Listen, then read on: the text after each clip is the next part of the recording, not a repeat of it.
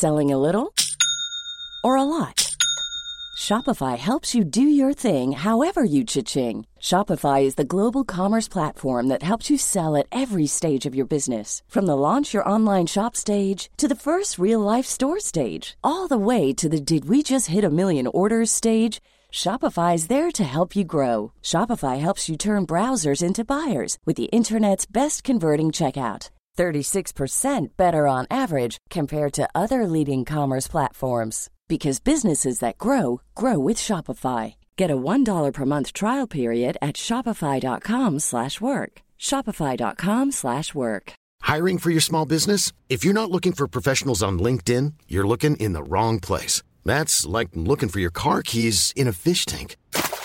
LinkedIn helps you hire professionals you can't find anywhere else, even those who aren't actively searching for a new job but might be open to the perfect role. In a given month, over 70% of LinkedIn users don't even visit other leading job sites. So start looking in the right place. With LinkedIn, you can hire professionals like a professional. Post your free job on linkedin.com slash people today. Quality sleep is essential. That's why the Sleep Number Smart Bed is designed for your ever-evolving sleep needs. Need a bed that's firmer or softer on either side? Helps you sleep at a comfortable temperature? Sleep Number Smart Beds let you individualize your comfort so you sleep better together. JD Power ranks Sleep Number number 1 in customer satisfaction with mattresses purchased in-store. And now, save 50% on the Sleep Number limited edition Smart Bed for a limited time. For JD Power 2023 award information, visit jdpower.com/awards. Only at a Sleep Number store or sleepnumber.com.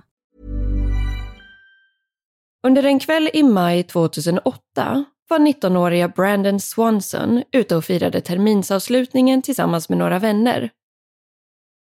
På vägen hem stötte han på problem när han råkade köra ner sin bil i ett dike och han valde till slut att höra av sig till sina föräldrar som genast skyndade iväg för att hjälpa till. Dessvärre lyckades de aldrig hitta varandra och under tiden som Brandon pratade i telefon med sin pappa yttrade han orden “Oh shit” Därefter försvann han spårlöst och än idag, drygt 15 år senare, så vet man fortfarande inte vad Brandon såg eller upplevde just den stunden, eller var han kan ha tagit vägen.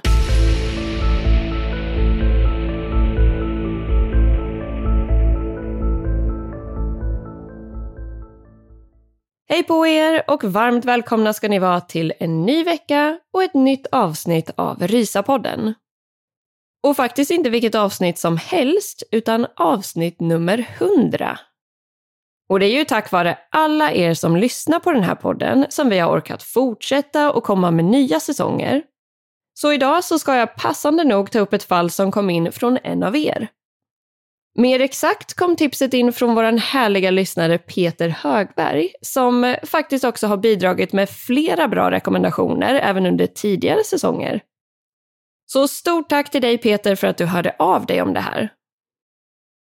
Och själva fallet i fråga och det som jag ska ta er igenom idag är alltså försvinnandet av 19-årige Brandon Swanson. Men utifrån att ni redan har fått en liten inblick i det här fallet precis i introt nu, så tänker jag helt enkelt att vi tar och hoppar rakt in i veckans avsnitt.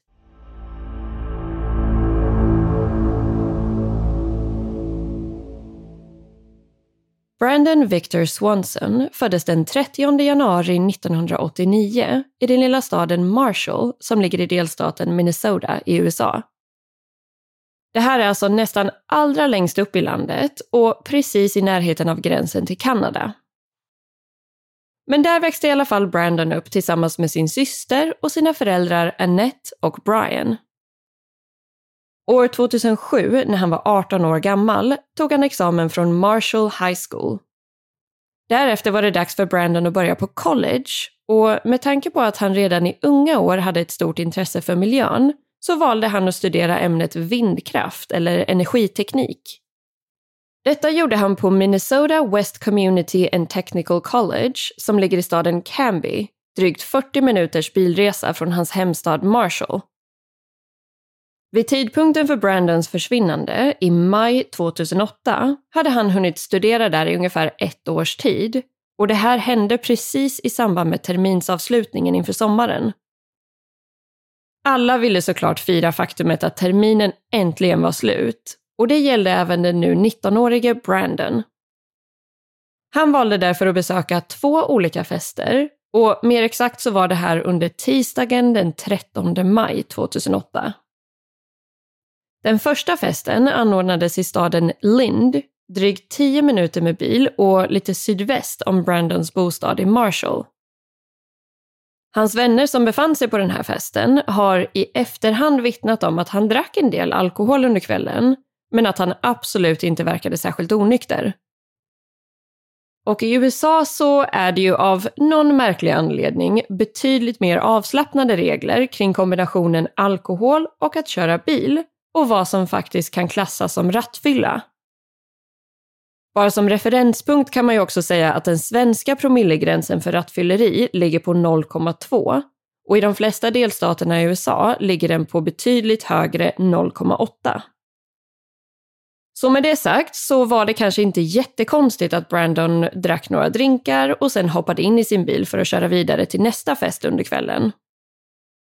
Den här festen anordnades av en annan kompis i Canby, där hans skola också låg. Och det tar ungefär 40 minuter att köra mellan de här två ställena. Och jag förstår om det känns som väldigt mycket geografi och information om avstånd här nu, men allt det här kommer att bli relevant lite senare. Men för att ni ska kunna se allting framför er lite bättre så kan man förklara det som att Brandons hemstad Marshall och staden Lind, där han var på den första festen, ligger relativt nära varandra på kartan. Sen ligger staden Canby, där hans skola låg och där han var på den andra festen, betydligt längre bort åt det nordvästra hållet. Eller uppåt och vänster, som jag hellre brukar beskriva det som. Så Brandon hade nu alltså kört från den första festen i Lind upp till den andra festen i Camby. Väl där ska han ha druckit lite mer alkohol, men återigen så ska han inte ha verkat särskilt onykter överhuvudtaget. Brandon valde sen att säga hejdå till sina vänner någon gång efter midnatt och hoppade sen in i sin bil igen för att köra hem till Marshall. En sträcka som han såklart var väldigt bekant med eftersom att det också var hans pendlingssträcka till och från skolan varje dag. Om man håller sig till huvudvägen Highway 68 så är det dessutom bara en enda rak väg som leder hela vägen fram. Just den här kvällen hade Brandon däremot valt att inte hålla sig till huvudvägen och att istället köra längs en massa mindre bakvägar, vilket alltså blev lite av en omväg. Man vet inte helt säkert varför han gjorde detta, men en teori är att han ville undvika risken att stoppas i eventuella poliskontroller eftersom att han kanske hade druckit något mer än han egentligen borde ha gjort. Men under bilfärden hem så ska Brandon ha fått någon form av problem med bilen vilket ledde till att han körde ner i ett mindre dike. Det var ingen dramatisk krock eller så och varken bilen eller Brandon själv skadades egentligen vid det här tillfället. Men det stora problemet var att bilen ändå hade lyckats fastna ganska ordentligt. Han försökte sedan få loss bilen på egen hand innan han insåg att det tyvärr inte skulle fungera. Brandon försökte då ringa runt till flera olika kompisar för att se om någon kunde komma och hjälpa honom med att lyfta upp bilen på vägen igen.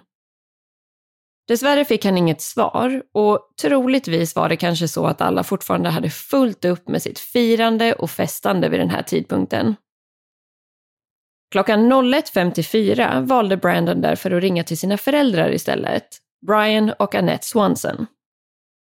Han berättade om vad som hade hänt, men intygade att han själv mådde bra och inte var skadad, men att han däremot behövde hjälp med att få upp bilen ur diket. Det här var ju som sagt år 2008 och det var ju inte riktigt lika enkelt att dela sin plats med andra på den här tiden. Brandon förklarade i alla fall att han trodde att han befann sig någonstans mellan Lind och Marshall och att han var drygt 10 minuters bilresa hemifrån. Något som skulle ha känts ganska så ologiskt om han hade hållit sig till huvudvägen Highway 68 den här kvällen eftersom att Lind ligger söderut från både Highway 68 och familjens bostad i Marshall. Men med tanke på att Brandon hade valt att köra på massa olika bakvägar den här kvällen så kändes det väl kanske mer rimligt att han skulle ha kunnat befinna sig i just det området, även om det definitivt var en omväg för att ta sig hem. Brian och Annette hoppade snabbt in i bilen och begav sig till området där de trodde att Brandon skulle befinna sig. De fortsatte ha kontakt med Brandon, men när de väl kom fram kunde de varken se honom eller hans bil. Han kunde inte se dem heller och Brian och Annette försökte då tuta och blinka med strålkastarna på sin bil för att han skulle kunna lokalisera dem i mörkret. Därefter gjorde Brandon samma sak med sin bil, men de kunde helt enkelt inte hitta varandra. Runt omkring Brian och Annette så var det i princip bara stora öppna fält och om Brandon hade befunnit sig längre bort på samma väg så borde de ha hört eller sett när hans bil tutade och blinkade med strålkastarna. De insåg därför att han måste ha gett dem fel vägbeskrivning och att Brandon helt enkelt befann sig någon annanstans. Något som Brandon själv inte höll med om. Han ska nämligen ha börjat bli lite irriterad vid det här laget eftersom att han kände sig extremt säker på var han befann sig och att han hade gett dem en korrekt vägbeskrivning. Om något så ansåg han att det måste vara hans föräldrar som hade missförstått honom och hamnat på fel ställe. De fortsatte prata i telefon en stund till medan de letade efter varandra.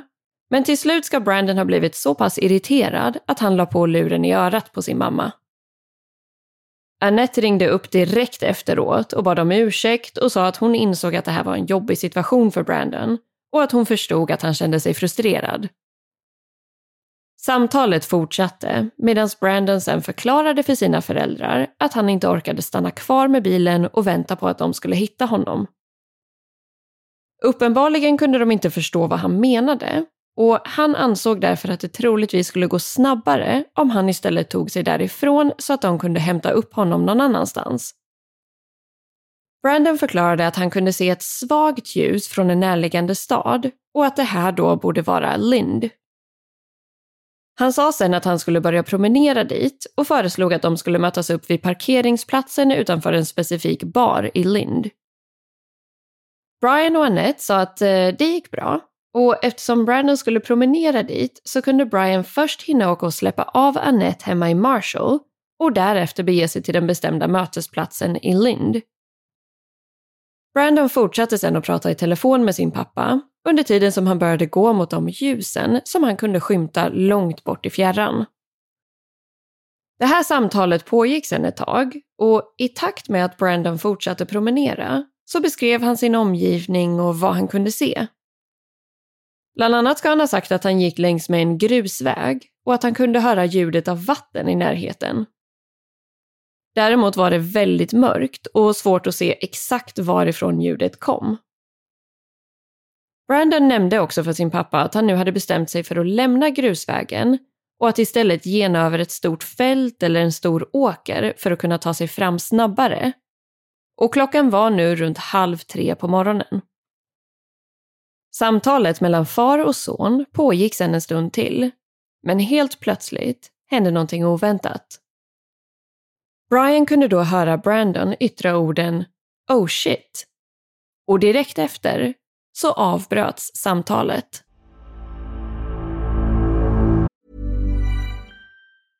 How would you like to look five years younger? In a clinical study, people that had volume added with Juvederm Voluma XC in the cheeks perceived themselves as looking five years younger at six months after treatment. Look younger, feel like you. Add volume for lift and contour in the cheeks with Juvederm Voluma XC. Reverse signs of aging by adding volume to smooth laugh lines with Juvederm Volure XC. For important safety information and to find a licensed specialist, visit juvederm.com. That's J U V E D E R M.com. Not for people with severe allergic reactions, allergies to lidocaine, or the proteins used in Juvederm. Common side effects include injection site redness, swelling, pain, tenderness, firmness, lumps, bumps, bruising, discoloration, or itching. There's a risk of unintentional injection into a blood vessel, which can cause vision abnormalities, blindness, stroke, temporary scabs, or scarring. Talk to a licensed specialist to find out if it's right for you. Hey, I'm Ryan Reynolds. At Mint Mobile, we like to do the opposite of what Big Wireless does. They charge you a lot, we charge you a little. So naturally, when they announced they'd be raising their prices due to inflation, we decided to deflate our prices due to not hating you. That's right. We're cutting the price of Mint Unlimited from $30 a month to just $15 a month. Give it a try at mintmobile.com slash switch. $45 upfront for three months plus taxes and fees. Promote for new customers for limited time. Unlimited more than 40 gigabytes per month. Slows. Full terms at mintmobile.com.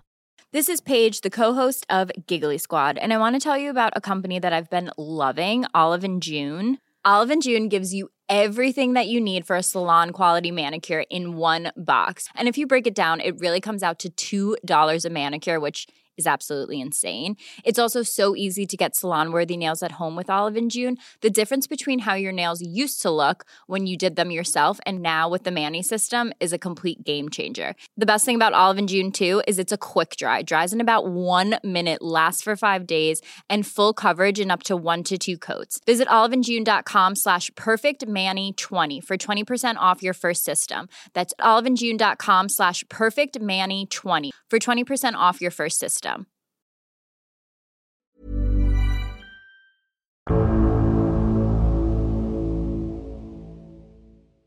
Efter att samtalet hade avslutats försökte Brian i ren panik ringa upp sin son igen för att fråga vad som hade hänt. Han ringde flera gånger på raken, men lyckades inte längre komma fram. Alla samtal gick nu direkt till röstbrevlådan, så Brian började istället köra runt och leta efter Brandon utan resultat. Brian och Annette ringde sedan runt till Brandons vänner för att be om deras hjälp i sökandet. Och inom kort var de ett helt gäng som körde runt och letade under resten av natten.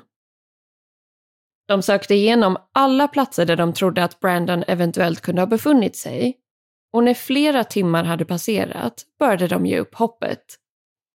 Klockan var då runt halv sju på morgonen.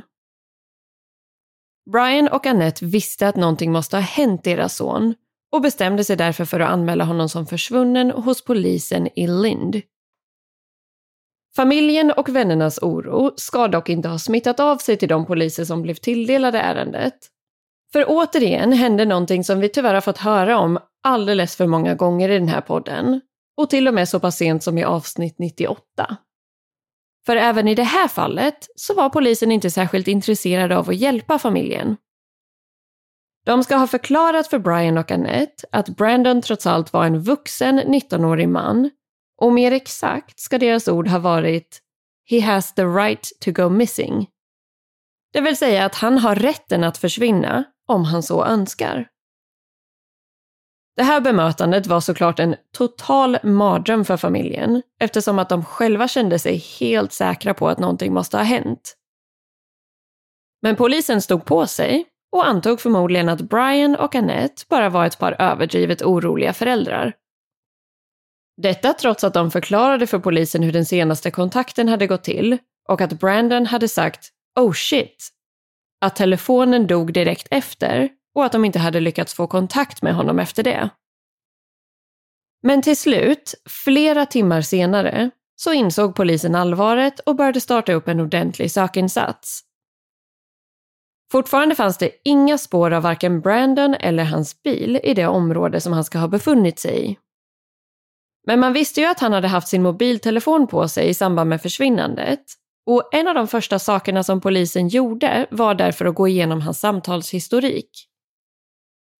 I samband med detta blev det tydligt att Brandon inte alls hade befunnit sig i närheten av Lind som han själv hade trott och beskrivit för sina föräldrar. När han hade pratat i telefon med sina föräldrar ska han nämligen ha befunnit sig i närheten av staden Taunton som ligger längs med Highway 68, ungefär i mitten av raksträckan mellan Canby och Marshall.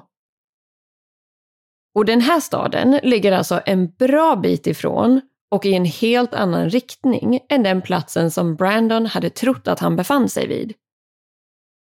Man justerade därför området för sökinsatserna och inom kort hittade man Brandons övergivna bil i ett dike längs med en mindre grusväg en bit norrut från Highway 68. Och det här var då precis i närheten av staden Taunton.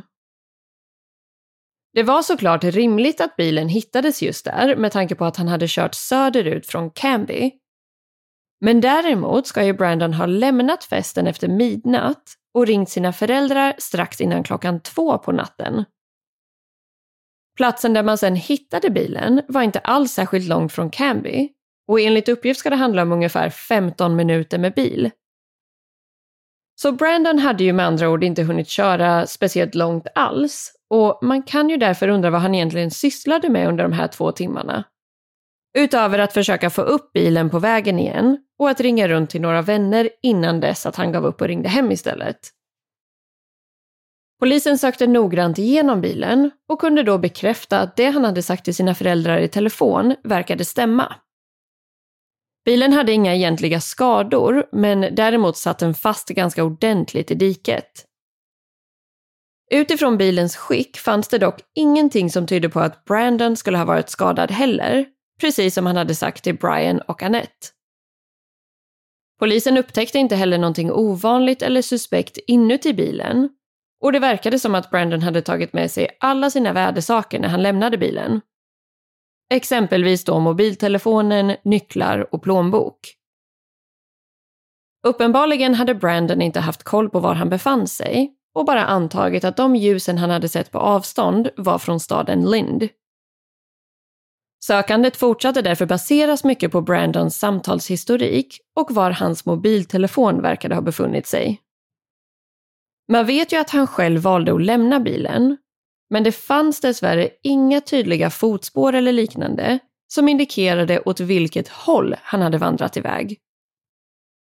Det här innebar att det blev ett enormt område som behövde genomsökas och flera olika län, eller så kallade counties, blev därför inblandade i sökandet efter Brandon. Utöver Taunton så fokuserade man också mycket på området runt omkring den närliggande staden Porter, som ligger ännu längre norrut i riktning mot Canby, samt området kring staden Minneota, som istället ligger åt andra hållet i riktning mot Marshall. Polisen fortsatte öka på resurserna och sökgruppen inkluderade bland annat helikoptrar, hundratals volontärer och flertalet blodhundar. De här hundarna lyckades faktiskt få upp ett doftspår från Brandon som ledde från hans bil i diket, förbi en övergiven gammal bondgård och ungefär fem kilometer bort. Doftspåret ska slutligen ha lett fram till en flod som heter Yellow Medicine River och kort efter det så verkade spåret försvinna. En tidig teori blev därför att Brandon skulle ha ramlat ner i floden och att han eventuellt hade drunknat. Alternativt att han ramlade ner i floden och lyckades ta sig upp igen, men att han då snabbt blev blöt och kall och att han avled till följd av hypotermi.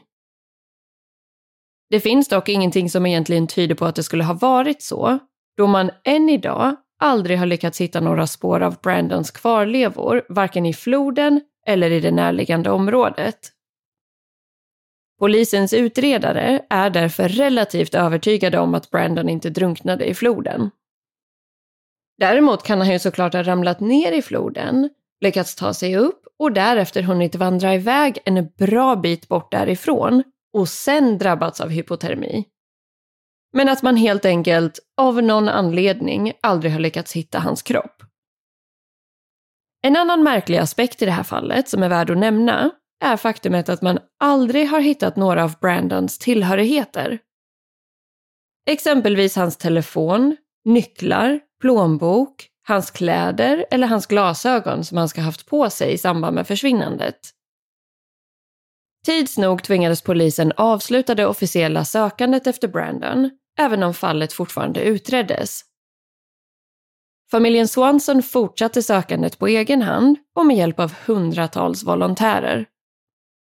Vid flera tillfällen sökte man igenom ett enormt område till fots, men man tog också hjälp av bland annat hästar och fyrhjulingar för att kunna täcka en ännu större yta. Under åren som passerat har man också använt sig av kadaverhundar och satt upp en tipslinje som också genererade en hel del tips från allmänheten. Dessvärre har ingenting faktiskt kunnat leda till Brandon, eller någon form av förklaring till vad som egentligen hände den där natten. Utöver att området där Brandon försvann ifrån är väldigt stort så finns det flera andra utmaningar som har försvårat sökandet. Dels att det aktuella området består av mycket stora åkrar och fält som ägs av olika bönder och som därför måste skördas under vissa perioder, vilket då gör att man får sätta sökandet på paus. Utöver det ska det också finnas vissa specifika områden som man aldrig har lyckats söka igenom ordentligt eftersom att de som äger marken inte har gett polisen tillstånd. En annan aspekt som har försvårat sökandet är att det ofta snöar en del i Minnesota under vintern, vilket såklart gör det betydligt svårare att söka efter eventuella kvarlevor eller tillhörigheter. Som alltid när det gäller försvinnanden så finns det såklart mängder av teorier där ute. Men de allra flesta passar inte riktigt in med tanke på hur Brandon försvann och hans sista ord i telefonen innan kontakten bröts. Med tanke på att han aktivt försökte att möta upp sina föräldrar den här natten så finns det inte särskilt många som tror att han själv valde att försvinna iväg eller att han till exempel skulle ha begått självmord. Det finns däremot en del tankar om att Brandon kanske kunde ha blivit attackerad av ett vilt djur ute på fältet. Men då borde det ju troligtvis ha funnits spår av detta som skulle ha upptäckts under någon av alla de sökinsatser som genomförts i området. Till exempel trasiga kläder, kroppsdelar eller åtminstone någon form av blodspår.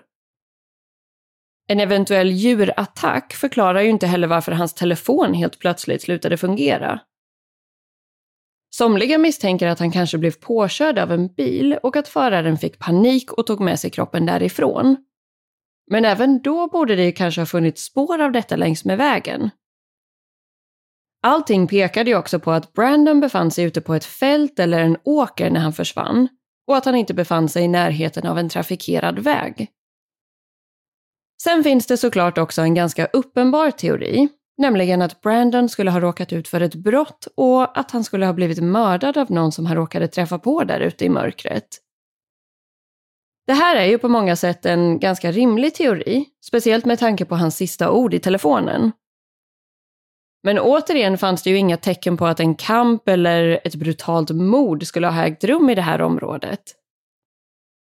Man kan ju däremot kanske tänka sig att Brandon fick syn på en person som höll i ett vapen och att han därför sa “oh shit”. Sen kanske han inte vågade säga någonting mer eftersom att han hade ett vapen riktat mot sig. Och den här personen kanske sen tog Brandons mobiltelefon och stängde av den, vilket gjorde att alla samtal efteråt gick direkt till röstbrevlådan. Sen kan ju den här personen ha tvingat med Brandon vart som helst egentligen. Och det kan ju vara förklaringen till att man aldrig har lyckats hitta hans kropp i just det här området.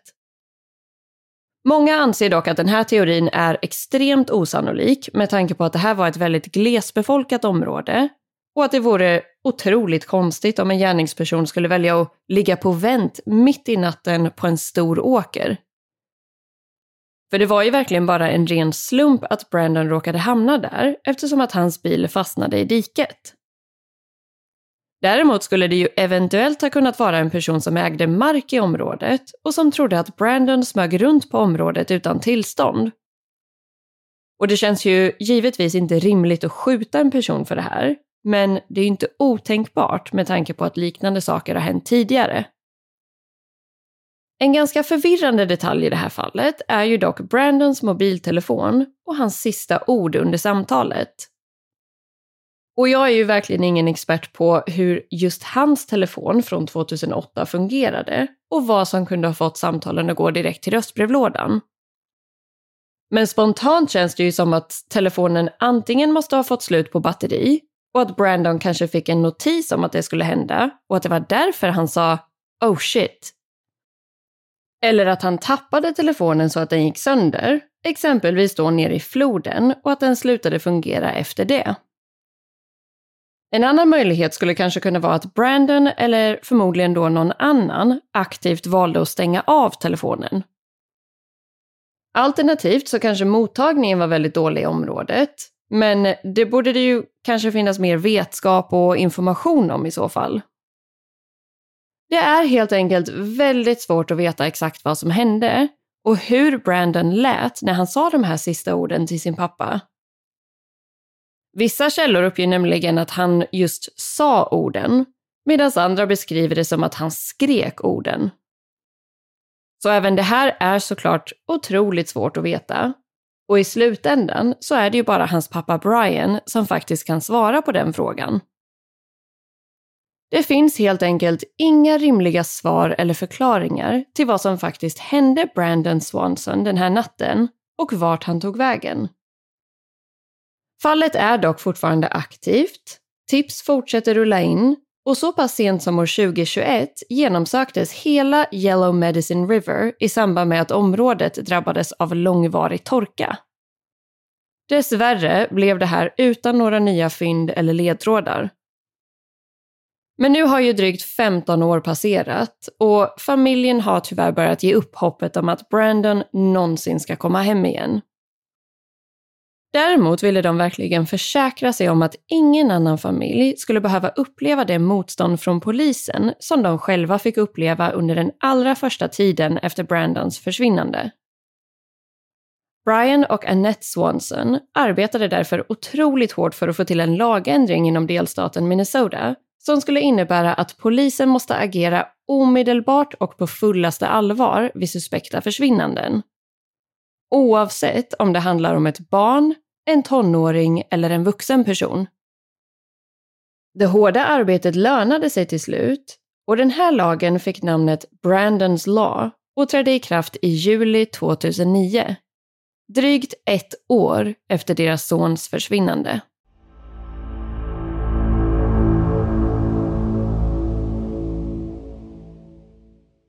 Ja, hörni.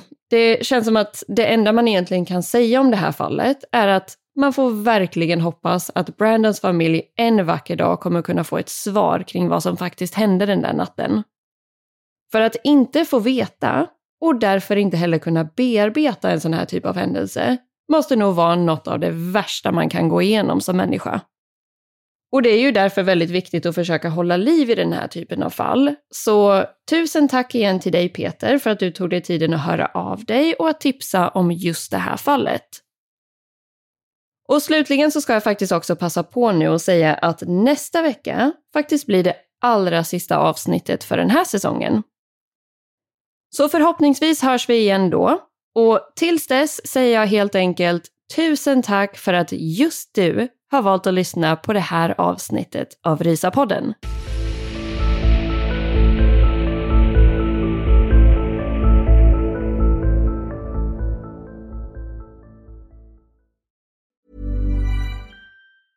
Hey, it's Danny Pellegrino from Everything Iconic. Ready to upgrade your style game without blowing your budget? Check out Quince. They've got all the good stuff shirts and polos, activewear, and fine leather goods all at 50 to 80% less than other high-end brands. And the best part? They're all about safe, ethical, and responsible manufacturing. Get that luxury vibe without the luxury price tag. Hit up quince.com slash upgrade for free shipping and 365-day returns on your next order. That's quince.com slash upgrade. Planning for your next trip? Elevate your travel style with Quince. Quince has all the jet-setting essentials you'll want for your next getaway, like European linen, premium luggage options, buttery soft Italian leather bags, and so much more. And is all priced at 50 to 80% less than similar brands. Plus, Quince only works with factories that use safe and ethical manufacturing practices. Pack your bags with high-quality essentials you'll be wearing for vacations to come with Quince. Go to quince.com/pack for free shipping and 365-day returns.